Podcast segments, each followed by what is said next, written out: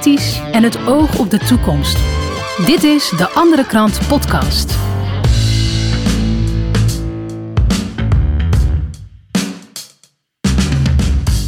Dit is De Andere Kant Podcast.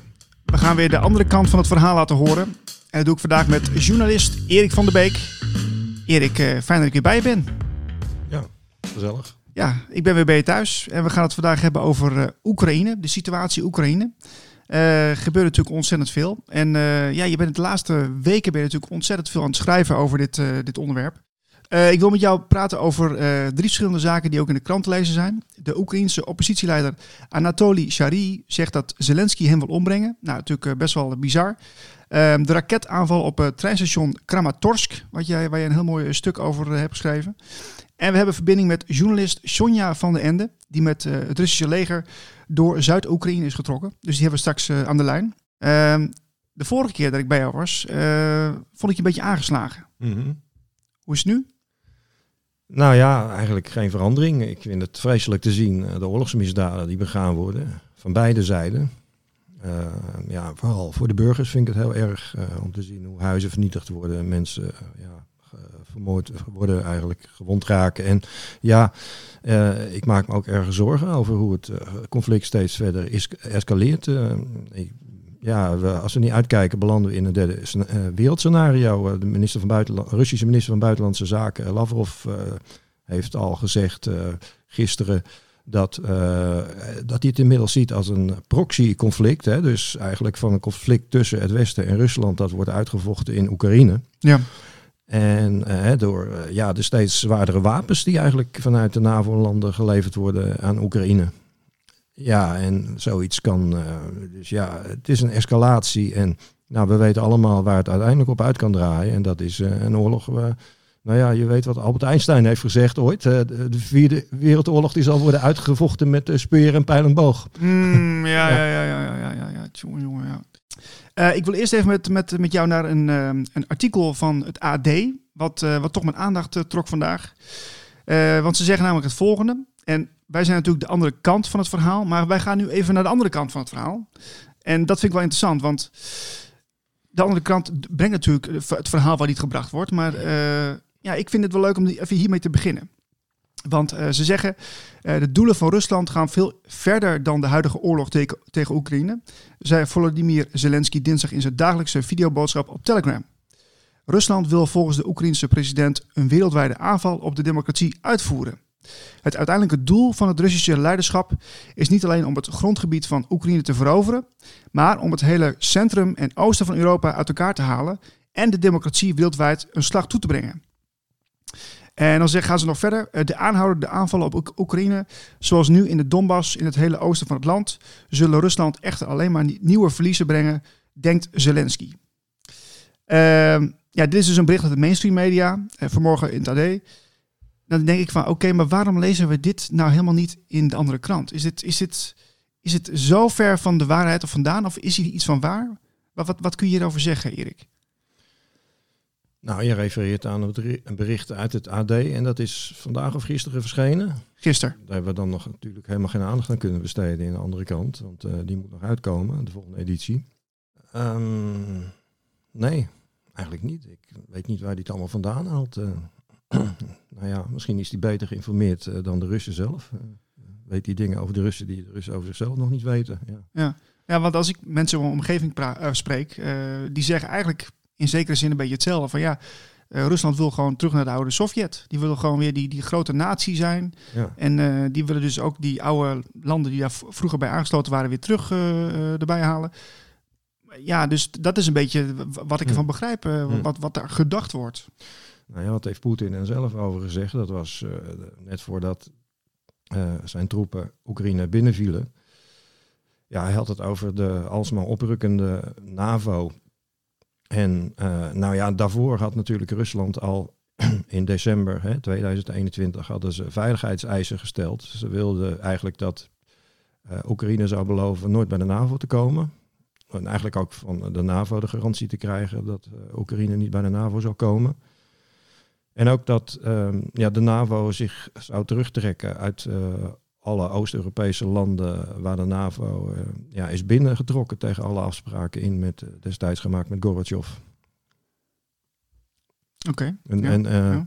ja, ja daar, daar trekt dan Zelensky misschien de conclusie uit dat Rusland die voormalige ja, Sovjet-republieken, of nou ja, het waren geen Sovjet-republieken, zoals Tsjechoslowakije en eh, Hongarije, dat Rusland die eh, ja, weer terug bij zijn invloedssfeer eh, wil halen. Mhm. Maar ja, daar heb ik geen enkele aanwijzing voor gezien. Nee, Nee. oké. Helder. Maar ik, ik dacht misschien wel leuk om ermee te beginnen. Want ja, ik vind die, die, die, verhalen, die verhaallijnen zo ver uit elkaar liggen. Dat vind ik dan... Het is voor mensen ook verwarrend, lijkt Nou me. ja, Als je, wel, de doelstelling van Zelensky is natuurlijk een beetje ons angst aanjagen in het Westen. Hè? Van ja, pas op, die grote. De, Poetin wil de Sovjet-Unie in ere herstellen en hij wil eh, eh, ja, die voormalige Oostbloklanden weer binnen zijn invloedssfeer halen.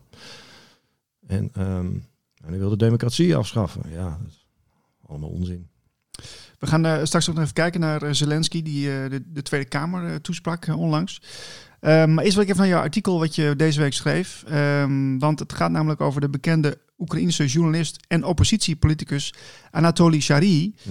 Die zegt in een interview met de andere kant, wat jij gedaan hebt, dat de Oekraïnse geheime dienst, de SBU, een, een moordaanslag op hem eh, voorbereidt. Eh, en die zou door president Zelensky zelf zijn goedgekeurd. Ehm, ja, dat zijn nogal wat verhalen. Ja. Eh, jij hebt contact gehad met hem, hè? Mhm. Ehm, hij is wel wereldberoemd, dat weten we in Nederland niet, maar dat is hij echt. Wat, wat is er nou gebeurd? Nou, hij is gewaarschuwd door een oude bekende van hem. Eh, Die, eh, ja, die zou erop uitgestuurd zijn. Eh, kijk, hij verblijft in Spanje, daar zit hij in ballingschap. En, en, en die oude bekende die zou er door Oekraïnse autoriteiten op uitgestuurd zijn om zijn gangen na te trekken in Spanje. Hè. Dus waar die, nou goed, waar, ze, waar die woont, dat weten ze al. Maar eh, ja, om een moordaanslag op iemand te kunnen plegen, dan moet je natuurlijk goed in kaart brengen. Hè, waar iemand, nou, als, op, welk moment iemand zijn kinderen naar school brengt. Of wanneer hij naar de sportschool gaat of boodschappen doet of wat dan ook. En nou, die oude bekenden zouden erop uit zijn gestuurd om dat allemaal in kaart te brengen. Eh, en dat was niet de eerste waarschuwing die hij kreeg. Want er is ook een andere eh Oekraïner. eh, eh, die zou erop uitgestuurd zijn eh, eigenlijk hem om te brengen. Dat is een, eh, een veteraan eh, van het Azov-bataljon. Azov-bataljon, dat zijn die eh, jongens die eh, met uh, nazi-embleem eh, op hun uniform lopen. Mhm. Ehm, eh, want die, heeft een, die is eh, opgepakt door de Spaanse politie. En die heeft ook een bekentenis eh, afgelegd eh, op camera. Oké. Ja, waarin hij eigenlijk dat ook gewoon bekend, dat hij erop uitgestuurd was door de Oekraïnse autoriteiten om Anatoly Shari om te brengen.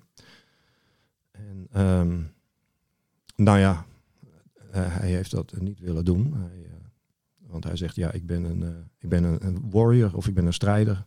Ik ben geen moordenaar. Nee. En we- in Nederland kennen we hem eigenlijk helemaal niet zo goed. Maar eh, wat, wat, wat kon jij eh, aan hem merken in het gesprek met hem? Eh, nou ja, je zegt, Nederland kent hem niet zo goed. Ik denk dat de Russisch-talige gemeenschap in Nederland hem wel kent. Want hij heeft een YouTube-kanaal en eh 2000, eh, nee, wat zeg ik nou, 2, miljoen mensen volgen hem via zijn YouTube-kanaal. En hij zit ook op Twitter en Facebook. Daar heeft hij ook nog eens honderdduizenden volgers. Dus in Oekraïne kent iedereen hem. In Rusland kent, kent denk ik ook iedereen hem. Eh, of nou ja, de meesten. Veruit de meesten. En eh, ja, nou ja, goed. Eh, hij is, ja, het is een bekendheid. En, Ja.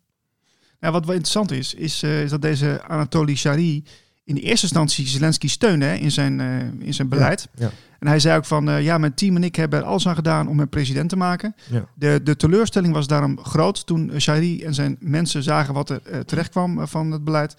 En eh, Zelensky gooide het op een- akkoordje met de oligarchen en stelde een kabinet samen van personen die hij eh, daarvoor nog veel had bekritiseerd. Ja. Ehm, dus, dus hij kwam daar later weer op terug, maar dat is, ja, dat is, er is zoveel gebeurd natuurlijk hè, in die periode in, in Mhm. Oekraïne. Dat is, het moet als een, een, een stroomtuin eh, zijn gegaan, denk ik.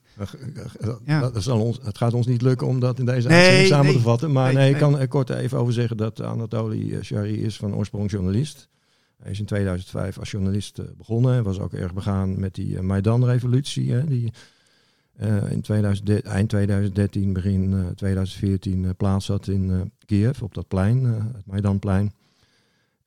Alleen ja, zijn enthousiasme bekoelde snel toen hij zag wat er schuil ging eigenlijk achter die protesten. Of eigenlijk ja, wie daar die protesten gingen domineren. Dat waren ultranationalisten en ja, ja, groeperingen die met, met het nazisme dweepten eigenlijk. En eh, ja, toen zijn nieuwe hoop was gevestigd op Zelensky. Want die beloofde vrede hè, te brengen in het oosten van Oekraïne, in de Donbass. Uh, en uh, ja, hij, hij, hij, zou ook de corruptie gaan bestrijden. En Anatoly, Anatoly Shari heeft in 2019 een eigen politieke partij opgericht. De partij van Anat Shari. Ja, zijn eigen naam erin gezet. Ja, eigen naam erin gezet. en, uh, maar ze hadden, geen, ze hadden niemand die zich beschikbaar had gesteld voor het presidentschap. Dus wat ze toen hebben gedaan is Zelensky eigenlijk op alle manieren steunen. En uh, ja, Poroshenko, die toen president was, eigenlijk uh, ja, bekritiseren. Ja, dus eigenlijk, eigenlijk creëerde hij zelfs een soort, soort satellietpartij ten gunste van Zelensky. Ja, zou je kunnen zeggen, ja. ja. Ja, hij woont dus inmiddels in Spanje, is, is aan het vloggen. Um, maar, maar dan toch, hè, waarom is die Shari dan zo'n bepaalde speler dat hij moet worden omgebracht? Ja, dat weet ik niet. Ik denk vanwege zijn uh, naamsbekendheid, vanwege zijn, zijn invloed op de publieke opinie in, uh, in Oekraïne en in Rusland en overal. Want hij is een uh, groot tegenstander van een groot medestander van Zelensky, is groot de meest uitgesproken tegenstander geworden van uh, Zelensky. En uh, ja, trouwens, zijn politieke partij is ook verboden in, door Zelensky in uh, maart, van, dus vorige maand. En niet alleen zijn partij, ook nog tien andere oppositiepartijen. Er zijn ook een paar mediabedrijven gesloten door Zelensky. Ja, dus wat je ziet is dat Zelensky gewoon bezig is alle oppositie. Dat deed hij ook al voor de Russische inval, de oppositie monddood te maken. Ja. Wordt, wordt zo'n man ook beveiligd of weet je er iets van? Um, nou, dat weet ik niet. Dat heb ik hem niet gevraagd. Ik denk dat, uh, dat, dat als ik daarna gevraagd had, dat hij me ook geen antwoord had gegeven. Maar ik denk wel dat hij er heel wijs aan heeft gedaan om hier uh, bekendheid aan te geven. Hè, dat zijn leven in gevaar is. Omdat dat toch misschien de Oekraïnse autoriteiten ervan kan weerhouden hem om het leven te brengen. Omdat als, ja, stel je voor hij wordt vermoord, dan uh, weet eigenlijk iedereen wie het gedaan heeft. Toch? Ja. Of dan, nou ja, eigenlijk weet je het dan nog steeds niet. Maar je, nou ja, dan, uh, de, de, je eerste gedachte is dan, nou dat was Zelensky die erachter ja. zat. Ik heb hem ook gevraagd van, denk je dat Zelensky weet van deze moordplan. Hè? Want uh, ja, het is de SBU, de Oe Oekraïnse geheime dienst, uh, die dit soort dingen doet. Uh, moord op bestelling. Of nou ja, op bestelling zeg ik. wat ik intussen heb begrepen van die organisatie is dat ze eigenlijk een beetje, um, moet je zeggen, niet echt onder politieke controle staan. Dus dat ze heel veel handelen op eigen initiatief. Dat het eigenlijk een staat is binnen een staat. Wat ze ook wel eens zeggen over de, ja, natuurlijk over de Amerika. Zoals, we hebben het wel eens over de, de deep state. Hè, dan wordt gerefereerd aan Amerika. Ja, ja. De president niet de echte macht heeft. Maar dat zijn dan de geheime diensten zoals CIA. Nou, hetzelfde is een beetje aan de gang in Oekraïne. En, uh, maar, dus daarom heb ik hem daar ook expliciet naar gevraagd. Denk je dat...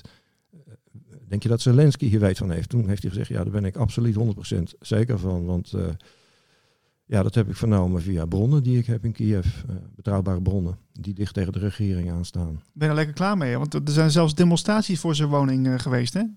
Ja, want uh, die vent waar ik net over vertelde, die een verklaring heeft afgelegd tegenover de Spaanse politie. Hè, dus dat hij erop uitgestuurd was om Anatoly te vermoorden die, voordat hij gepakt werd, heeft hij al het adres van, uh, van Sharia heeft hij, uh, op internet gezet. En ook met foto's erbij van zijn Zo. huis en ook van de auto van zijn vrouw enzovoort. Oh mijn god. Ja, nou. ja, ja, dus dat heeft geleid tot die protesten bij zijn woning en ook bedreigingen. Ik heb ook een aantal van die bedreigingen gezien. Ja, hij heeft trouwens, de, de, de, behalve die bekentenis van deze man die er dan uh, door de SBU op uit was gestuurd, heeft Anatoly Sharia ook op zijn vlog heeft hij uh, chatgesprekken heeft hij laten zien. En ook afgeluisterde gesprekken, dus, uh, dus telefonische gesprekken, mm -hmm. ja, die hij toegestuurd heeft gekregen. die gelekt zijn naar hem. Ja. Waar ook, ja, waarin ze gewoon praten over hoe ze hem om het leven kunnen brengen. Zo. Ja, Uh, ja want, want Nederland die steunt dus Oekraïne volop in deze situatie. het, het, is zelfs inmiddels bekend dat, dat er wapens worden geleverd, financiële steun via Giro 555. Ja, heb je daar nog iets over, over te zeggen? Ja, Giro 555. ik moet dan denken aan Anatoly Shari, wat hij gezegd heeft over hè, dus die Oekraïnse oppositie, politicus, journalist, waar we het net over hadden. Wat hij gezegd heeft over uh, die hulpgelden die worden ingezameld uh, voor Oekraïne, voor Oekraïnse burgers. Dat hij eigenlijk ja, verwacht dat dat geld helemaal niet terecht komt bij de Oekraïnse burgers, omdat ja, de regering zo door en door corrupt is. Hij denkt, dat je hulpgelden die komen terecht bij, uh, ja, laten we zeggen, degene die het Oekraïne voor het zeggen hebben. En die kopen daar dan mooie huizen, villa's van in Spanje of mooie jachten en zo. Ja. In Rotterdam. Oh, lekker dan. Maar dat is, dat is wat hij uh, denkt. Of is, kan hij dat aantonen? Nou ja, goed, hij heeft genoeg gepubliceerd over hoe corrupt dat land is. Hè. Het blijkt ook uit internationaal onderzoek uh, dat Oekraïne staat geloof ik op plaats 143 van de meest uh, corrupte landen. Dus ja, het geld dat wij sturen voor het ledigen van de nood van de Oekraïnse burgers. Ja, ik denk wel dat je daar gevoeglijk van uit kunt gaan uh, dat, uh, dat Anatoly Shari daar een punt heeft. Dat dat gewoon verkeerd terechtkomt, dat geld, ja. ja. Um, ik wil even naar een fragmentje kijken met jou. Uh, dat is namelijk de man die eigenlijk centraal staat in dit hele conflict ook wel in Oekraïne. dus Zelensky. Hij sprak onlangs de Tweede Kamer toe en dat ging zo. Можемо бути разом з вами в Європейському Союзі. Переконаний, що це посилить наш спільний європейський дім і зробить ще більш досконалим європейський проект.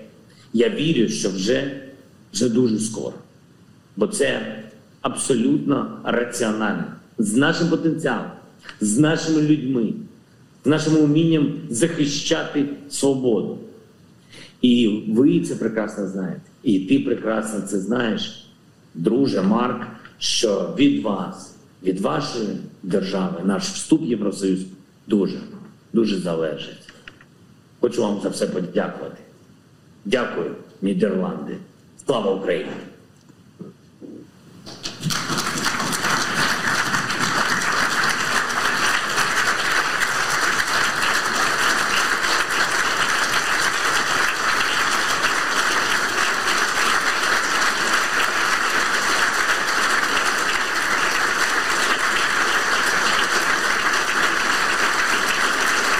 Er wordt geklapt. Het is, het is bijna een heldenverering, uh, Erik. Uh, ja, wat denk jij nou eigenlijk als je dit ziet? Nou, ik zag op de voorste bankjes twee soppende vrouwen van de PvdA. En een van die twee soppende vrouwen die is inmiddels opgestapt. Dus um, ja, goede acteur voor de rest. En duidelijk met een heel PR-apparaat achter zich. Had zich goed verdiept in de Nederlandse geschiedenis. Het bombardement van Rotterdam noemde die. En ook uh, de Spaanse overheersing. Daar wist hij uh, zelfs meer van dan ik ooit geleerd heb op de lagere en de middelbare school. Ja, dat, dat vond ik echt opvallend. Dat was echt te, uh, te gedetailleerd, te, te, te ingelezen. Ja, weet je, kijk, goed dat mensen zich inlezen natuurlijk, maar dit, dit voelde voor mij een beetje, een beetje nep. Mm, nou ja, het is hetzelfde. Dezelfde formule past hij ook toe als die andere uh, parlementen toespreekt, dan refereert hij heel erg aan de geschiedenis. En dan probeert hij een parallel uh, te trekken met uh, hoe het nu in Oekraïne toe gaat. En in Israël is dat heel verkeerd gevallen, want toen maakte die vergelijking met de Holocaust. Daar houden ze niet zo van in Israël. Oei, ja. ja. Um, er is nog iets anders te lezen aan de andere kant deze week. Dat is namelijk de, de raketaanval op treinstation Kramatorsk. Um, jij zegt er ook dader onbekend, zet je daarbij. Hm. Uh, ja, de, de reactie van premier Rutte is natuurlijk wel uh, tekenend. Uh, die zegt, ja, ik ben er kapot van. Um, ja, een aanval op een treinstation dat juist wordt gebruikt door mensen om te kunnen vluchten. Dat laat wel zien hoe ver de Russen durven gaan, zegt hij. Ja, de, de mainstream media blijven eenzijdig berichten over de oorlog in Oekraïne. je hebt contact gehad met Max van der Werf bij het schrijven van je artikel. Mm. is er nou meer duidelijkheid, of ja, is er nou meer duidelijk geworden wie er achter die raketaanval zat?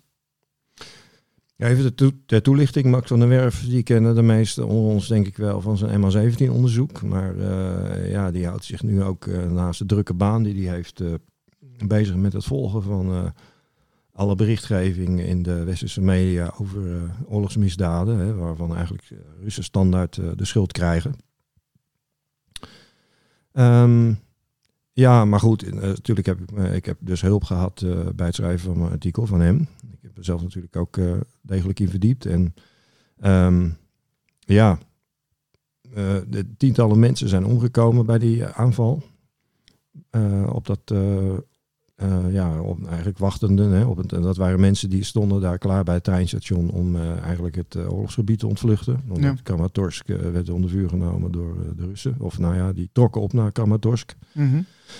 Maar ja, wie die raket heeft afgevuurd, ja, Rutte en andere westerse leiders wisten het meteen. Het was natuurlijk weer Rusland. Maar nou, zelfs Bellingcat, die je toch echt niet kunt verdenken van Russische sympathieën.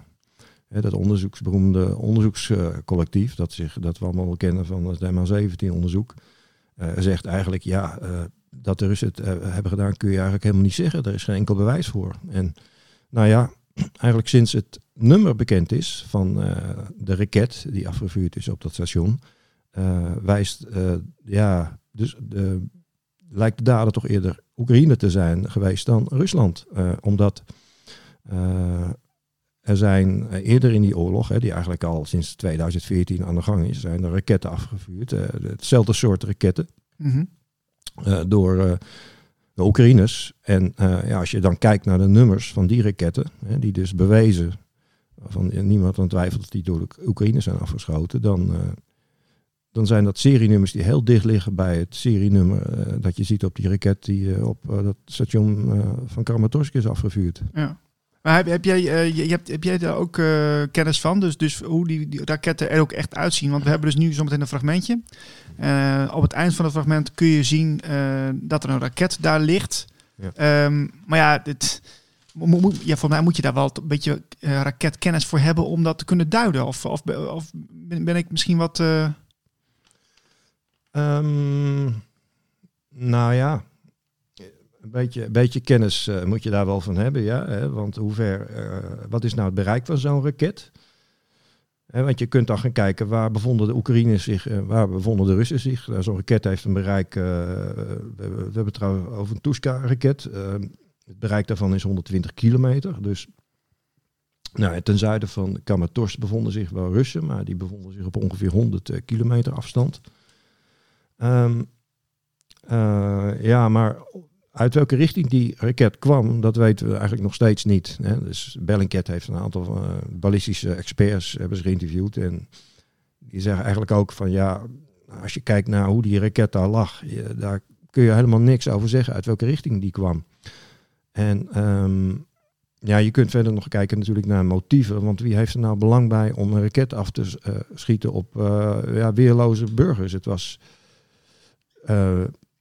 nou ja, wie heeft daar. Ja, want het was geen militair doel dat geraakt werd. Eh, Nee, nee. En er bevonden zich daar geen militairen. En ja, nog even terugkomend op jouw vraag. eh, je moet verstand hebben van het type raket. mhm. Kijk, eh, dit was een raket en die bevatte clustermunitie. Die was uitgerust met clustermunitie. Oké. En eh clustermunitie is er niet voor om strategische doelen zoals treinstations of andere gebouwen of ja, spoorrails te vernietigen. Die is er eh, voor ja, zoveel mogelijk mensen om te brengen. Ja, militairen eigenlijk natuurlijk. Ja. Eh, en ehm, dus ja, Dus dat is Ja, voor jou wel een duidelijk, eh, duidelijk signaal. nou, deze raket is expres afgevuurd op deze mensen. Daar lijkt het toch wel heel sterk op. En wie heeft dan een motief om dat te doen?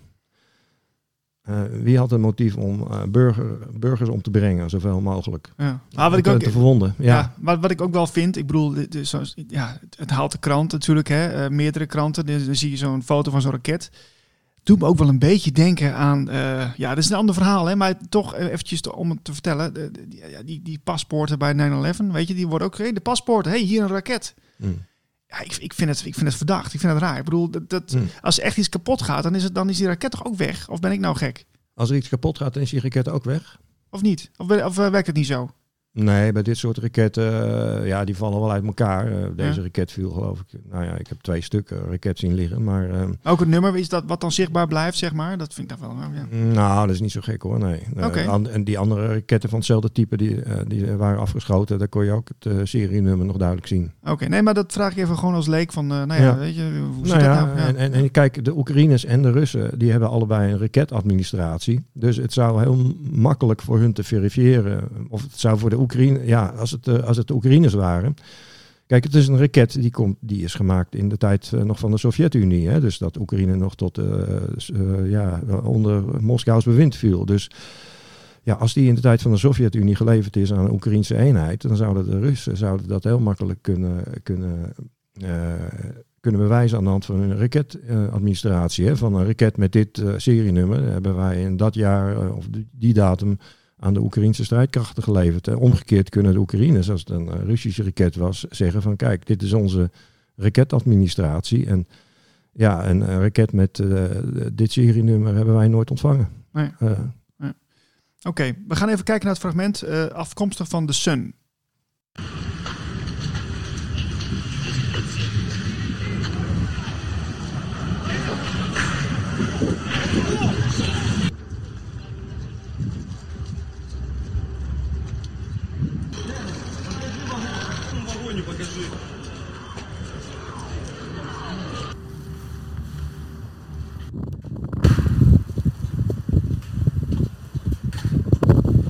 Здесь было много убитых, много раненых. Скорые, полиция, машины пожарной охраны. Рядом горели машины. Ну, это просто был кромешный ад. Какую помощь ты людям оказывал? Я был на машине, поэтому я сразу подъехал к полиции, спросил, какая нужна помощь. Они сказали, нужно помочь отвезти раненых. Я брал, садил в свою машину людей, которые были с ранениями, которые уже перевязанные были, которым оказали первую помощь, и вез их в больницу на Новый Свет. У этих людей какие были раны? Это были у них всех э, осколочные раны э, осколочного характера, потому что вот, вот такие вот элементы поражающие здесь валяются. То есть вот такими элементами поражало этих людей. И в принципе этими осколками их и убило. Почти 40 человек здесь погибло одновременно. Такими тоже. Вот такими вот тоже. Да.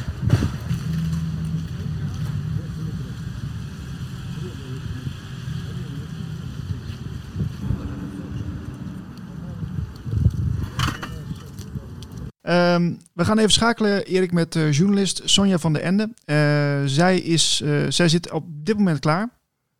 Sonja, fijn dat je bij ons in de podcast zit. Nou, hartelijk bedankt voor de uitnodiging. Fijn dat jullie met mij willen spreken ook. Zeker. Ja, je hebt ook al een interview gedaan met uh, Ab Gietelink in de andere krant. wanneer je vertelt over jouw ervaringen in Zuid-Oekraïne met het Russische leger. je zit inmiddels niet meer in Oekraïne, klopt dat? Ja, klopt. Ik zit in, momenteel in Moskou. Dus ja, okay. voordat ik weer terug ga. Ja. Uh, ik ben nou heel benieuwd, hè? hoe is het nou uh, gelukt uh, om als journalist mee te gaan met het Russische leger? Moet, moet je dan ergens voor aanmelden of, of hoe gaat zoiets? Nou, in eerste instantie was ik uitgenodigd voor een conferentie in Moskou. En daar werd besproken of gevraagd wie er mee wil als journalist. En ja, daar heb ik me aangemeld en zodoende ben ik er. Oké, okay. nou, dat, dat, klinkt wel vrij makkelijk, want ik heb hier ook een journalist tegenover me zitten. Dat is Erik, die, die, die zou ook wel een keer mee willen misschien. Ja, nou ja. Dus uh, wie weet, ja. Nou ja, welkom. ik denk dat mevrouw, ja. ik denk dat mevrouw meer, hoe beter. Ja, ik denk dat mevrouw en kinderen het niet goed zouden vinden. Is, nee, nou, het valt mee hoor. en ik begrijp, ik begrijp ook, Sonja, dat dat een congres was dat georganiseerd was door de Russische filosoof Alexander Dugin. Waar ja, jij uh, gevraagd werd uh, mee te gaan naar de gebieden in Donbass die veroverd waren door het Russische leger. Ja, dat klopt. Ja, het is niet hem persoonlijk natuurlijk. Er zit een hele organisatie achter. En die, uh, ja, die organiseren zeg maar voor journalisten die uh, mee willen, mee kunnen, die, die organiseren dat eigenlijk. Ja, dus, oké. Okay. Uh, ja. ja, het is een spannend avontuur zo met het Russische leger. waar ben jij precies geweest? Ik ben in Zuid-Oekraïne in Henicek geweest. Ik ben in Melitiopol geweest. Volnovakha, dat ligt, in, dat ligt onder Donetsk ook nog in Gorlovaka. Dat is een uh, stad wat aan de frontlijn ligt eigenlijk. Uh, en natuurlijk Mariupol. Uh, dat is ja, en allemaal dorpjes rondom Luhansk en Donetsk. Dus best wel veel. Ja, ja. En heb, je, heb je in die tijd vaak onveilig gevoeld? Nee, niet echt. De enige keer dat ik me misschien een beetje onveilig gevoeld heb, dat was in de stad Donetsk zelf. Want we stonden bij een gebouw, daar was net een raketinslag geweest. En toen hoorden we dat uh, zeg maar, uh, het offensief op Mariupol begonnen was. Dus toen kon je echt wel ja, bombardementen, eh, raketten, van alles kon je horen. Dus dat was wel, ja, daar voel je eigenlijk niet echt prettig. Nee, in, de media begreep ook dat Mariupol helemaal, eh, helemaal aan stukken is eh, gegaan. Is heb je dat ook gezien? Ja, het is helemaal verwoest. Eh, ik zou zeggen voor 80% is het verwoest. Eh, met name het centrum en daaromheen, het is, is verwoest, het is weg. Zo, ja. Ja. Eh, in de krant lezen we ook dat je bij Melitopol bent geweest en Donetsk. Ehm, hoe zien die steden er nu uit in de Oekraïne? Melitopol is aardig goed. Dat ziet er nog eigenlijk, dat is, ja, er is niks mee gebeurd, zeg maar. Dus alleen het probleem daar was met de burgemeester die ook in Nederland was, geloof ik, afgelopen week. Maar verwoest is het daar niet echt. En Henicek was ook niet verwoest. Alleen eigenlijk de enige stad die verwoest was, dat was eh, Mariupol en een heel klein beetje Donetsk. Maar de rest ziet er redelijk goed uit. Alleen een andere, Volnovakha, dat ligt onder Donetsk, dat is ook verwoest. Dat is net zo erg bijna als Mariupol. Ja. Dat, eh, ja, dat is ook helemaal verwoest. Zo. En eh, ja, dit is toch een beetje een, mannenwereld, hè, volgens mij. Eh, hoe heb je daar een beetje doorheen geslagen? Is was, heb je daar veel van gemerkt of, of hoe ging dat? Nee, dat ging, het valt eigenlijk best wel mee. Er zijn ook wel vrouwen. Een, vrouw, een Syrische vrouw zelf zit daar. Eh, ze, ze zitten in de bus met ja, vier, vijf vrouwen. Dus nee, we worden echt... eh, ja, het is eigenlijk niet zoveel verschil, zeg maar. En het Russische leger is, ja, is prima. Die eh, gedraagt zich echt eh, ja, netjes goed. En ja, we merken er niet veel van, zeg maar, als vrouw zijn die... eh, Oké, dat het klinkt eigenlijk als een soort van schoolreisje, maar dat is ja, nou, dat is het niet hoor. Nee, nee maar ze zijn gewoon heel. eh, ja, ze, ze, ze moeten altijd mee. Als je ergens eh, uit de bus gaat en gaat kijken, dan eh, ja, zijn er 10 tot 12 soldaten om je heen.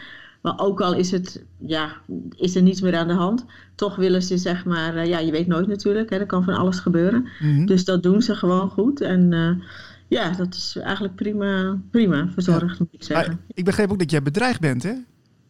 Ja, dat was door een, eh, net denk ik zelf persoonlijk, dat was een, eh, zo'n soort trollenfabriek die in Polen zit. En dat zullen dan Oekraïners zijn die daar zitten. Want heel veel eh, Oekraïners zijn volgens mij gevlucht naar Polen. En ja, ja, doodsbedreigingen onder artikelen op Facebook. Daarom heb ik mijn Facebook ook voorlopig gesloten. Dus ja, dat liep eh, echt wel eh, de spuigaten uit, zeg maar, wat daaronder staat. En ja, Facebook die... eh, die doet niks. Die zegt niet van, goh, nou ja, dat is spam of dat is erg, doodsbedreigingen. Nee, ik werd zelfs, ik kreeg een waarschuwing dat mijn account geblokkeerd werd. Dus kan je nagaan. Wauw. Dus ja. Ja, maar in mijn mail krijg ik het ook hoor. Ik heb dagelijks wel, niet alleen vanuit Nederland, andere plekken ook, wel bedreigingen, ja. Ja. ja. Ben, je nou, ja, ben je nou niet bang dat je nou een beetje gezien wordt als, eh, als pro-Russisch?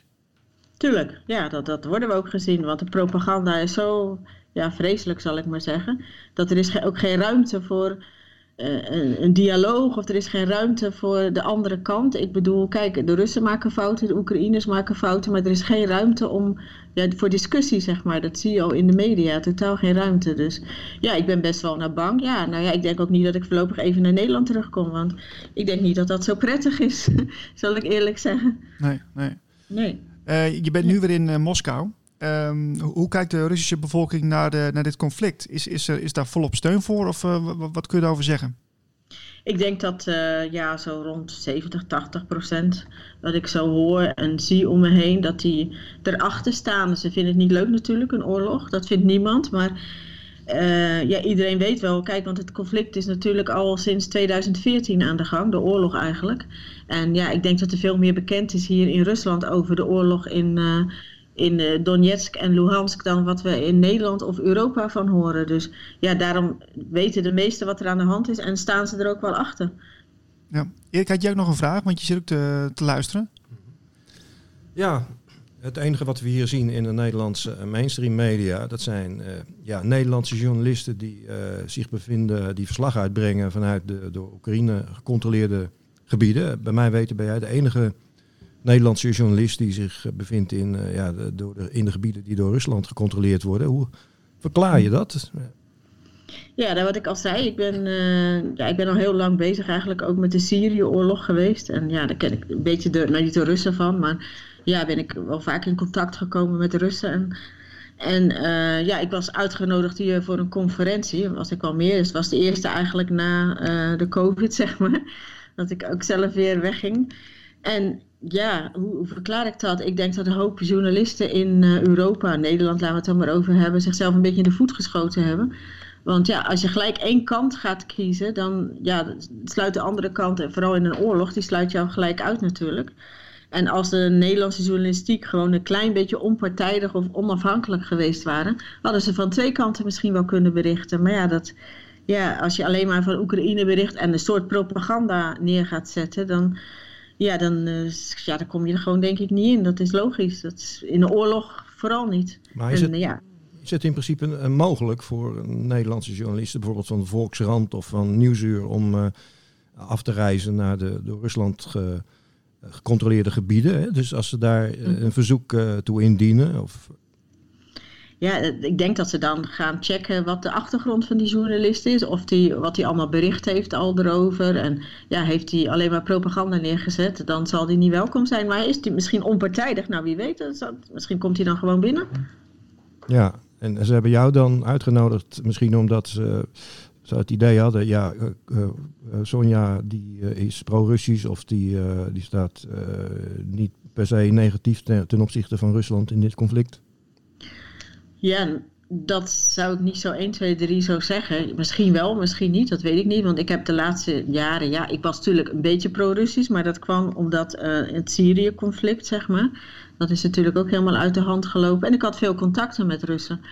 Maar of ik nou helemaal speciaal daarvoor uitgenodigd was, ik denk dat het een samenloop van omstandigheden was. Dat ik eigenlijk gewoon op die conferentie was. En dat ze ook journalisten zochten eigenlijk. Maar ik denk niet dat het de intentie was direct om mij daar neer te zetten. Dat denk ik niet. Hm. Oké. En je bent dus nu eventjes, uh, je hebt even een time-out zeg maar, maar wanneer ga je weer uh, uh, het veld in? Ik denk zo in anderhalve week, dan ga ik weer terug. Dan waarschijnlijk weer terug naar Mariupol, naar Zaporizhia, naar de kerncentrale die daar staat, waar een hoop over te doen geweest is. En al die ja, bevrijden, bevrijden hoe je het wil noemen, die dorpen die dan door de Russen zeg maar bevrijd zijn, eromheen.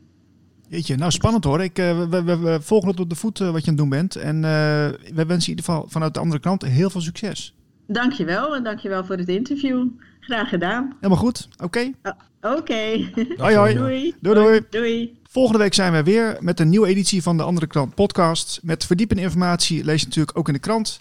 abonneer je via de website deanderekrant.nl. En voor maar 10 euro per maand heb je al een jaar abonnement. En de podcast is te beluisteren via YouTube, Apple of iTunes. Tot de volgende keer. Bye bye. Dankjewel voor het luisteren. Wil jij ook de andere krant bij jou thuis? Bestel hem dan op deanderekrant.nl.